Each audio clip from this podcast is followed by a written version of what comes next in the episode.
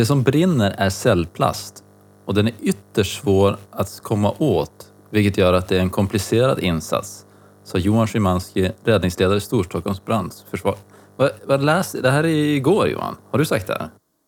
Det, det kan mycket väl stämma, ja. Du blev eh, intervjuad på skadeplats.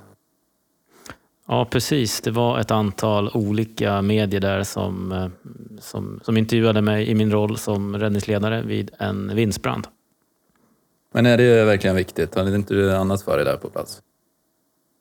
Ja, det kan man ju fråga sig, men, men en viktig del av vår verksamhet är ju faktiskt att informera allmänheten om, om vad vi gör för någonting. Och i det här fallet var det särskilt viktigt för att det var väldigt många drabbade och eh, väldigt många utrymda.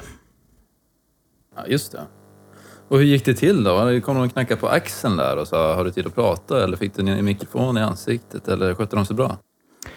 Ja, det var många frågor på en gång, men, men, absolut, de skötte sig bra. De kom inte att knacka på axeln därför att ledningsplatsen är alltid avspärrad så att eh, det finns ingen möjlighet att komma dit. Utan det, det media oftast gör då, antingen ringer de in till, till vår räddningscentral och begär att få intervjua räddningsledaren eller också så tar de det med en polis vid avspärrningen som sen kontaktar mig. Då. Och, och det var så det gick till i det här fallet. Mycket bra. Men det finns lite att tänka på när det gäller media. Jag tänkte vi skulle bryta och bända lite i det där idag. Vad tror du? Mm. Mycket bra. Spännande ämne och eh, det är ju kanske framförallt där som gemene man, allmänheten, kommer i kontakt med oss och det är också där de får bilden av vad räddningstjänsten, brandkåren, är för någonting. Ja, men exakt. Mycket viktigt. Ja, men då så. Då kör vi väl? Vi kör. Varmt välkomna till RIB Podcast. En podd för räddningstjänst och av räddningstjänst. Med Marcus Wallén och Johan Szymanski. Ska vi börja med att fundera lite på och resonera kring vad media är för någonting? Eh, tidningar såklart, men vad, vad kan det vara mer? Ja du, det, det, var kanske lättare när man ser tillbaka förr i tiden för då var det nog lokalblaskan, eller vad kallades det, som, som mm. kom ut till, till den lokala brandbefälet och ställde någon fråga och så kanske tog en, en bild med, med, med sin systemkamera. Men idag så finns det ju en ofantligt mängd av, av media. Allt ifrån Alltså tidningar förstås fortfarande, radio, tv, det är väl de kanske man tänker på primärt då, men det finns ju även mycket digitalt, alltså det som vi brukar kalla för sociala medier ibland. Det finns eh, ja, poddar finns det bland annat, skulle kunna tolkas som media och så vidare. Mm. Så det, det finns en uppsjö av olika institutioner som skulle kunna förhålla sig till ordet media. Ja men precis, det där är ju värt att reflektera lite över faktiskt. Som du säger att det som tidigare var ganska inramat det är nu väldigt brett och det kan ju livestreamas från vilken telefon som helst på olika sociala medier. Uh, och sen så har vi det här med podd. Det här är media. Det är, nu, nu, nu sänder vi ju en, en, en radiosändning kan man ju säga. Mm. Om man ska, ja. Jag tänkte bara, förut så kanske man också tänkte att media, när de var på plats, men då var det en sån där stor buss eller bil med en antenn på taket eller en parabol. Men det var väldigt länge sedan jag såg en sån. Och till och med de här äh, ryggsäckarna som Sveriges Radio sprang runt med, med en antenn i, de, de har jag faktiskt inte heller sett på ett par år. Så jag antar att allting sänds digitalt idag. Ja, eh, jag känner mig lite gammal när du säger sådär, men man får, man får ju konstatera att det, det utvecklas ganska snabbt. Just det här med olika medier och sociala medier är ju intressant också utifrån perspektivet vem man företräder. Jag menar när du uttalar dig som räddningsledare eller jag som vakthavande befäl, då uttalar vi oss som representanter för räddningstjänsten i den funktionen och har ju då ett helt annat ansvar och eh, restriktioner kan man säga kring hur vi kan uttala oss eh, gentemot om vi uttalar oss privat eller som i den här podden där vi, där vi poddar som Johan och Marcus som också jobbar inom räddningstjänsten. Så, där gäller det att hålla tungan rätt i mun. Eh, jag tänker på, på våra kollegor som eh, kanske skriver på Facebook eller liknande. Det är ju också att uttala sig i, i media. Och har man då en bild på sig själv i uniform när man skriver, då är man ju i ett gränsland där, där det kan vara lite halvklurigt vad man kan och, och inte kan skriva. Mm. Ja, men visst är det så. Och eh, man kan ju tänka bara när man skriver i tjänsten då. Man kanske twittrar eller eh, skriver på, på räddningstjänstens Facebook eller hemsida. Och bara en sån sak att stava rätt och använda ett vårdat språk. Eh, det säger ju mycket om förtroendet också för, för myndigheten som sådan. Så att det här är ju ett väldigt brett ämne som, som förmodligen betyder mer än vad vi tror. Verkligen. Ja, men du, var, varför är det viktigt för oss att eh, ha en god relation till media då, i, i vår profession? Det, det, finns ju förstås olika delar av det, men, men den kanske, en av de viktigaste det är ju transparensen. Alltså att faktiskt berätta, förklara för allmänheten hur, hur våra skattemedel nyttjas. Alltså vilken pang för pengarna de får och hur, hur vår verksamhet både fungerar bra men också vilka förbättringsområden som finns. Mm, precis, och där är ju du och jag har ju pratat mycket om det. Vi är båda av åsikten att eh, vi bör granskas mer och, och ska vara väldigt transparenta med det vi gör. Eh, så att vi ja, men få hjälp att utvecklas, bara en sån sak, så att vi inte fastnar i gamla hjulspår och att vi ständigt ser till att vi, att vi gör det bästa möjliga för de medel som vi faktiskt får av våra, våra medborgare. Ja, jag håller med där och jag tror också att, att räddningstjänsten har, har lidit av att inte vara granskade. För att det har ju i princip inte spelat någon roll om en, om en villa har brunnit ner till grunden så har ju media generellt sett inte ifrågasatt varför brandkåren inte släckte utan istället har det ju ofta stått att ja, men brandkåren var snabbt på plats och så är man nöjd med det. Men det är förstås mm. att, att, en, att en villa har brunnit ner och det är bara murstocken som står kvar. Det är ju inget bra resultat. Sen får man ju givetvis ta förutsättningarna i beaktning. Men, men generellt så bör man ju ställa sig frågan om det verkligen är den insatsen som, som medborgarna betalar för och önskar sig. Mm. Ja men precis. Så transparens och, och, och, granskning är en del och sen så har vi också ett behov av att eh, komma ut med information, jag tänker kopplat till händelser. Eh, ju snabbare vi kan informera om vad som händer och kanske vi, åtgärder som allmänheten bör vidta eller liknande, desto bättre.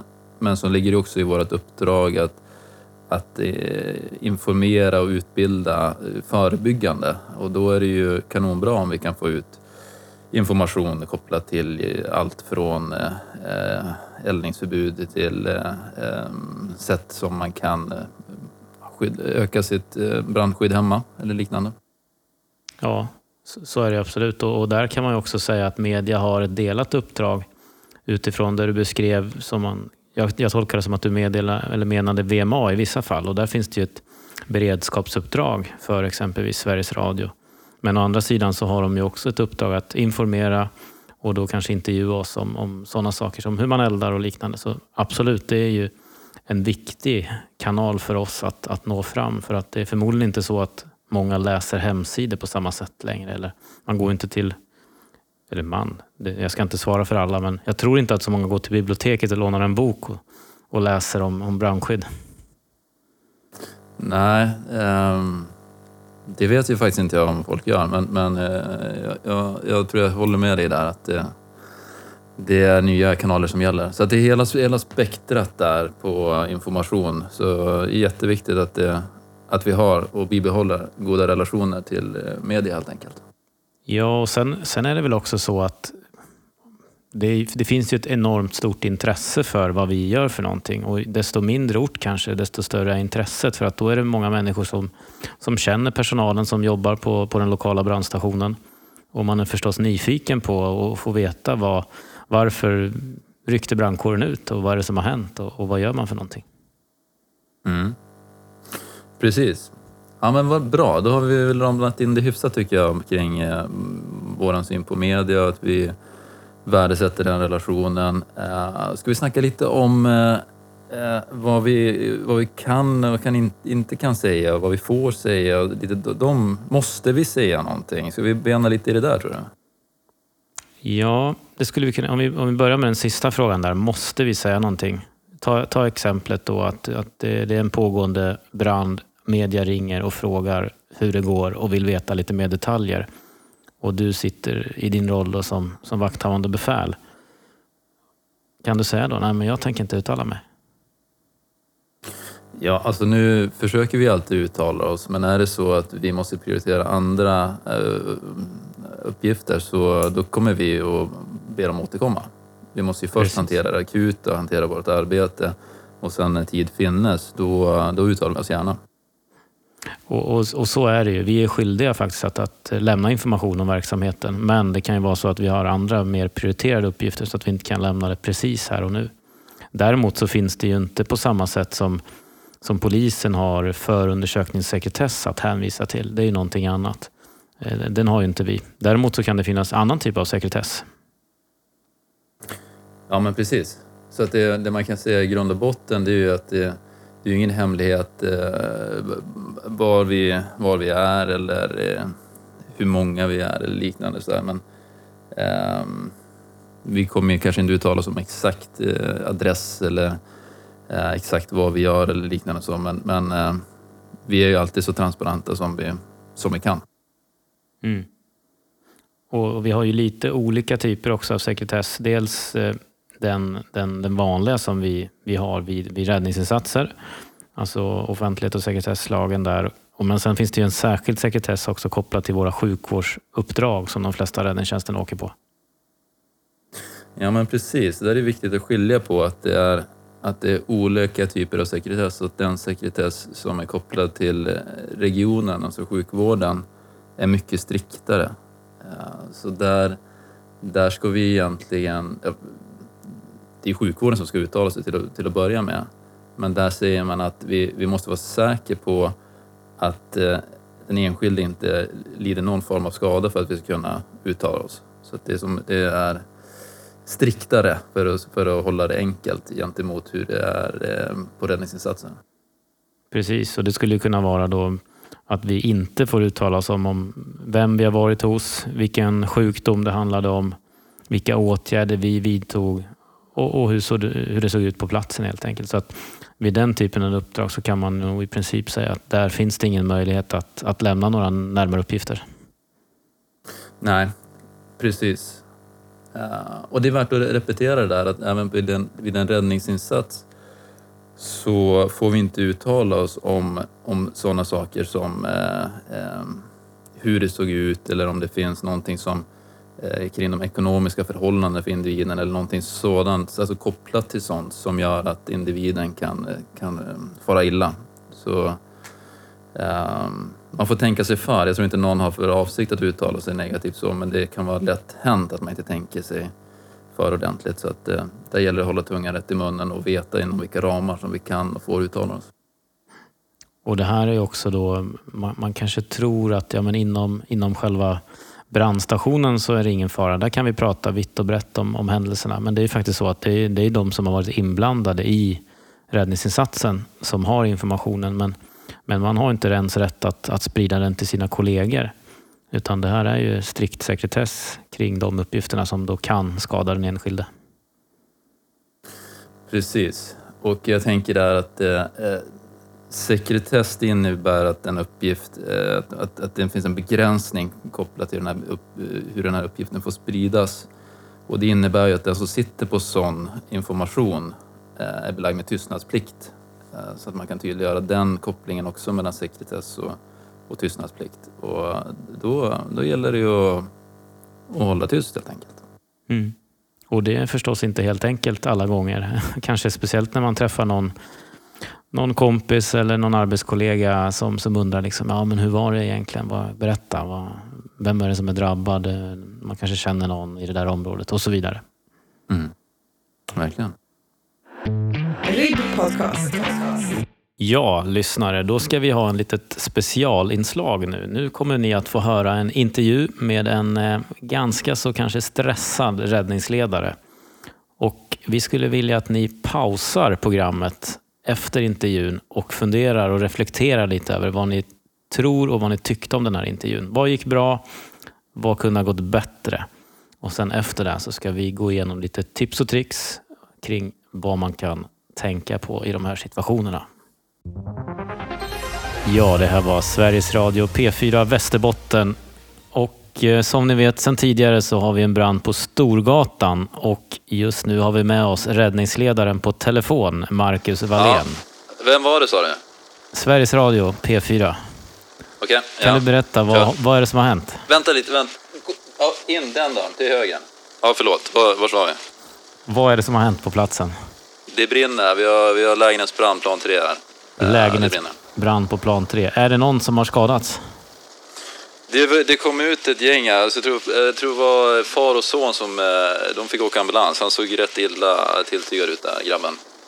Oj då. Men annars, ja, annars vet jag inte. Det kan vara mer också. Eh, Har ni utrymt hela huset?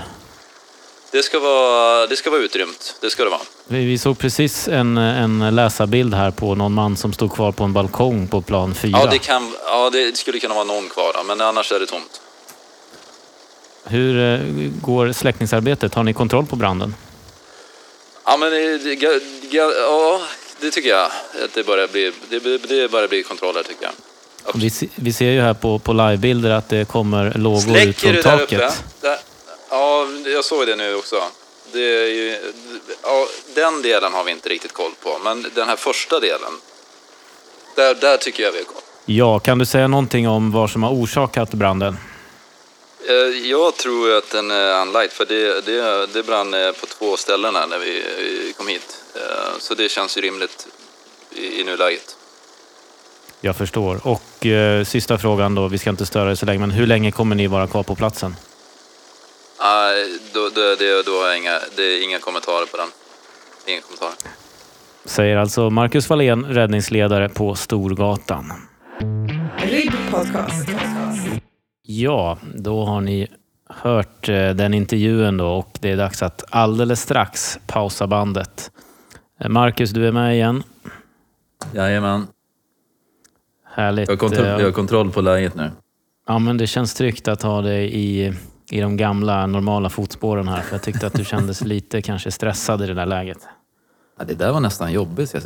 Kan vi ha en liten debrief, lite avlastande sen? Ja, men vi kan väl göra så här att medan lyssnarna pausar i någon minut och eh, funderar själva så kan vi ha en liten eh, debriefing under tiden. Ja, det är alldeles strålande. Så gör vi. Då gör vi så och sen lämnar vi intervjun och tar ett, eh, ett par tips och tricks kring hur man kan hantera media som, som brandman och brandbefäl. Okej Johan. Jag tänkte vi skulle snacka om lite konkreta tips. Jag har några frågor här till dig. Så, du är oförberedd på de här så vi får se hur det går här. Men eh, jag tror vi fixar det galant. Vad tror du? Ja, jag ska göra mitt bästa här. Ja, mycket bra. Okej. Eh, scenario ett här. Vi eh, är på en insats. Journalist kommer fram till en eh, brandman och börjar ställa frågor. Vad tycker du brandmannen ska göra? Ja, då tycker jag generellt att brandmannen ska hänvisa till, till sitt befäl. Eh, normalt sett, för att oftast så kanske man inte har hela bilden. Utan det, det är en sak om, om man har blivit hänvisad till den här brandmannen, men då, då bör man nog stämma av det först. Ja, men det är väl klokt. Stämma av här ifall vi ska uttala oss som brandman eller ifall, vi, ifall det är styrkeledaren då som, eller högre befäl som ska uttala sig. Mycket bra, jag håller med. Eh, vad ska styrkeledaren göra då? Om vi säger att vi är på en, en mindre ort här, vi har en styrka ute, styrkeledare, så kommer en journalist och sträcker fram mikrofonen här eh, precis i uppstarten av insatsen. Eh, några rekommendationer? Ja, om det är så att det är i uppstarten av insatsen, då är det förmodligen så att eh, man generellt bör prioritera insatsen som sådan. Så då är det bättre att be den här journalisten att och ställa sig lite åt sidan och sen säga att jag, jag kan komma till dig om 10 minuter eller 20 minuter beroende på vad man nu har bedömt. Men det, det brukar räcka för att de ska respektera det. Men om man har en riktigt påstridig journalist då, som verkligen vill ha ett uttalande i det här läget, har inte de rätt till det då? Nej, det, det finns ingen rätt i, i, i liksom när i tiden man ska få det. Utan är det är den väldigt påstridig så får man i så fall be polis om hjälp. Att eh, du får hålla den här borta härifrån just nu, spärra av platsen. Ja, men precis. Ja, ja men det är bra. Uh, om vi då rullar fram den här insatsen lite grann och så säger vi att vi har, har uh, tagit oss tid att prata med media. Uh, vi står där och sen så får vi en fråga som, som vi inte vet svaret på. Vad, vad gör vi då? Ja, vad gör vi då? Alltså, det finns ju olika svar på den frågan, men det absolut viktigaste är ju att inte ljuga och hitta på något som man tror. Oft, den, den ofta kanske förekommande frågan som vi inte vet svaret på, det är faktiskt varför en brand har börjat eller varför en olycka har inträffat. Och där ska man ju inte ge sig in i den här situationen att man börjar spekulera. Utan då är det bättre att säga att jag vet inte eller att vi, vi får återkomma med svar på den frågan helt enkelt. Man kanske behöver fråga någon om, om just de detaljerna. Men är det inte ganska ovanligt att bilar spontanantänder när de står parkerade? Det här borde ju vara anlagt. Ja, det, det, vet man inte. Det kan ju vara tekniska problem som har gjort att, att eh, det har blivit något elfel och kortslutning. Så det är, har man inte med säkerhet den saken utredd, då, då, då ska man ju inte gissa heller. Nej, det är bra. Ja, det där, du klarar av det där testet bra tycker jag. Mm, tack, tack. ja, men det är bra. Eh, vi ska inte spekulera och vi ska inte definitivt inte ljuga utan då, då får man be om återkomma om det är någonting sånt som man eh, måste följa upp först. Eh, vi har tidigare varit inne på vad man inte ska uttala sig om, men vad, vad tycker du vi ska försöka förmedla generellt? Liksom, vad, vad, eh, vad ska SL tänka på tycker du? Jag, jag, jag, tycker ju att det man vill ha ut, det är ju en beskrivning om kanske kort vad, vad är det för någonting som har hänt som gör att räddningstjänsten befinner sig på platsen och vilka åtgärder vidtar vi i stort så att säga. Och, och syftet med det är ju en information, en trygghetsskapande åtgärd som gör då att den här journalisten och, och allmänheten får en, en bra bild av, av själva skeendet här och nu. Mm. Mycket bra. Men du, och den här trafikolyckan som ni har varit på nu, stämmer det verkligen att det, det föranleddes av ett efterföljande? Alltså polisen jagade de här eh, som krockade, stämmer det? Ja, det är ju en intressant fråga som, som säkert förekommer ibland och, och den frågan är ganska enkel att hantera för där kan man hänvisa till polisen. Och då uttalar de sig ibland på plats men ibland så är det så att man får hänvisa till deras presstalesperson. Mm precis. Så, eh, vi uttalar oss om våran insats och våra resurser och vad vi gör och sen får alla andra aktörer uttala sig eh, vad gäller sina resurser och sin, sin insats. Eh, Precis. Så den tycker jag är viktig att, poängtera att vi, vi ska inte börja uttala oss om någon annans eh, åtgärder eller insatser eller brist på åtgärder eller liknande. Och det som kan vara lite sådär i gränslandet det är ju om det finns skadade och det, det kan vi faktiskt behöva uttala oss om. Dels om inte sjukvårdsledaren har tid, men det kan också vara så att vi har omhändertagit ett antal skadade människor. Det är klart att då, då har vi möjlighet att, att tala om att det finns skadade på platsen förstås. Mm, precis, men att vi håller, det, håller oss i, i de termerna, alltså antal och inte gå in eh, närmare. Det, det tycker jag själv är utmanande. I, säg att du har en lite längre intervju så är det väldigt lätt att säga att ja, men, eh, nämna kön eller liknande, att hon eller han.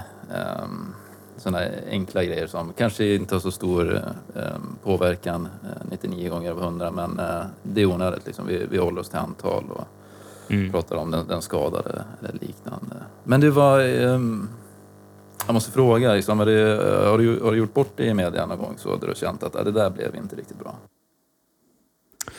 Ja, det har jag säkert, men, men inte så där att jag verkligen gått och ångrat mig, det vill jag inte påstå. Däremot har jag varit utsatt några gånger för granskning i efterhand där man har klippt lite sådär så att uttalanden har, har vinklats lite, är min uppfattning i alla fall.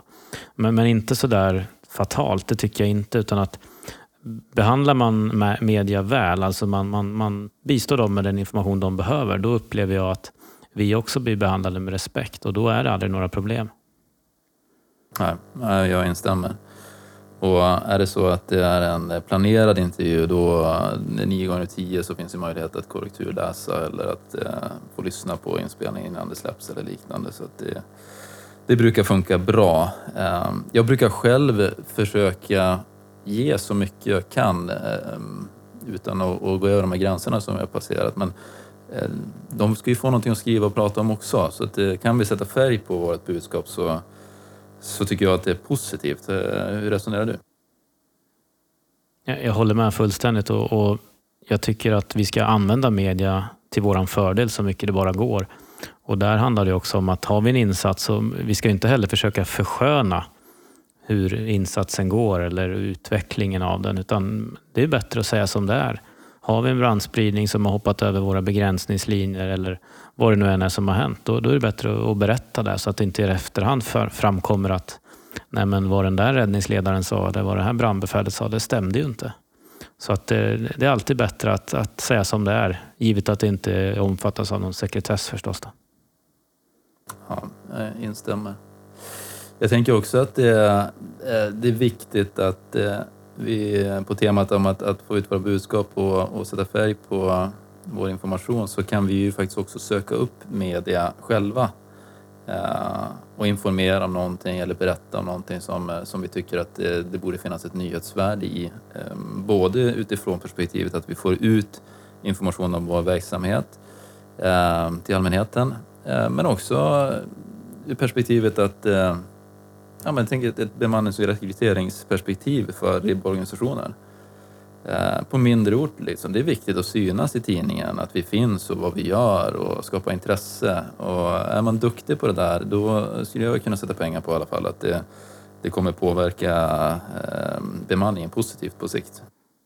Ja men så är det ju. Alltså, man kan jobba efter devisen syns man inte så finns man inte. Och min uppfattning är att det där även slår positivt mot politiken i, i de kommuner eller den kommunen man, man verkar. För ser de att, att räddningstjänsten är aktiv, det står mycket om, om dem i tidningen, oftast i positiva ordalag då förstås, så, så är det lättare också att äska mer medel eller hitta på andra saker som är positivt för, för verksamheten. Mm. Jag äh, har en uppfattning om att ni var ganska duktiga på det där i, eh, i Dalarna när du var där. Var det någonting eh, medvetet som ni gick inför och satsade på? Ja, det var en medveten strategi. Eh, vi, vi för, liksom försåg media med information, såväl vid larm som, som vid andra tillfällen som du beskrev nu, att vi var proaktiva. Vi, vi var även tidigt ute med, med Facebook och sånt där. Så att det, jag, jag tycker att det är en jätteviktig fråga och jag upplever att, att det alltid har varit en fördel. Eh, det är min sammanfattning. Och om vi pratar en stund om Facebook då utifrån erfarenheterna när ni jobbade med det. Eh, vad är din rekommendation? Ehm, ska det här vara en, eh, en, en, funktion i kommunen som jobbar för eh, räddningstjänstens räkning eller är det bättre att ha det i, i de egna leden så att säga? Ja, jag, jag tror att det är svårt att säga att eh, bu eller bä kring det, utan det viktiga är ju att, att det finns en känsla i budskapet och att man, man träffar rätt så att säga. Men, men jag tror att det är en kombination av de där. För att om, om vi bara hanterar Facebook-sidan i verksamheten så kanske professionaliteten ibland inte alltid är på topp. Alltså vi är inte de bästa alltid att eh, uttrycka oss och, och hitta rätt målgrupp och där kan vi behöva stöd och hjälp av, av en kommunikatör eller motsvarande. Jag instämmer helt. Eh, jag tänker att eh, det, det planerade, alltså man säger det schemalagda arbetet och inläggen, där är ju en kommunikationsavdelning guld. Mm. Hjälpa till att styra upp det här och formulera budskap och liknande. Men samtidigt så är det jätteviktigt att få den här färgen från vardagen, det, här, det, det, det enkla eh, i stunden. Att få, och det är ju vad det handlar om sociala medier. Liksom, blir vi för tråkiga och stelbenta, men då är det inget kul att följa. Utan vi måste ha eh, hela spektrat från eh, skämtet liksom i stunden till eh, det strukturerade, eh, planerade budskapet kring eh, vad det nu är, isolyckor och halkor eller liknande. Mm. Och sen, vi ska ju inte heller glömma att vi, vi är fortfarande en myndighet. Så att den där skämtsi, skämtsamma sidan kan ju uppfattas på både positivt och negativt. Så att den, den får ju inte ta överhanden som, som faktiskt kan ha skett i vissa fall när man följer olika Facebook-sidor. Mm. Ja, men jätteviktigt område att diskutera. För eh, vi måste ju... Man brukar säga att, att eh, kommunikation sker på mottagarens villkor. Eh, det spelar ingen roll vad vi tycker. Om vi vill nå fram till någon så måste vi prata på deras sätt så att de eh, tar emot budskapet. Och I det här fallet så pratar jag om sociala medier. Det är utformat på ett visst sätt. Eh, det funkar inte att, att skicka in ett tresidigt dokument som eh, är diariefört. Eh, så enkelt är det. Eh, men å andra sidan så får vi inte heller tappa förtroendet. Eh, allmänheten får inte tappa förtroendet för oss som myndighet. Mm. Så eh, vi måste hänga med i utvecklingen och utvecklas men hela tiden balansera på den där, den där fina gränsen helt enkelt. På rätt sida, ska vi tillägga. Ja, men precis.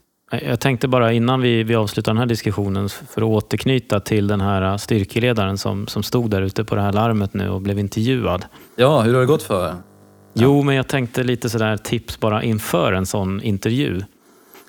Alltså vikten av korrekt klädsel, kanske att man ser till att sin hjälm är knäppt och sådär så att det, det, ser professionellt ut. Att man tar sig några sekunder och faktiskt kontrollerar det.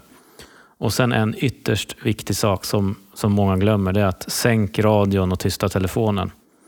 För Mm. det finns intervjuer där, där den här brandbefälet har stått och sagt att ja, men det är en eller två personer svårt skadade. Och sen nästa sekund så hör man någon skrika i radion att ja, det är två stycken avlidna i den röda bilen. Och det blir inte bra alltså. Ja, jättebra tips, jättebra att ta med sig.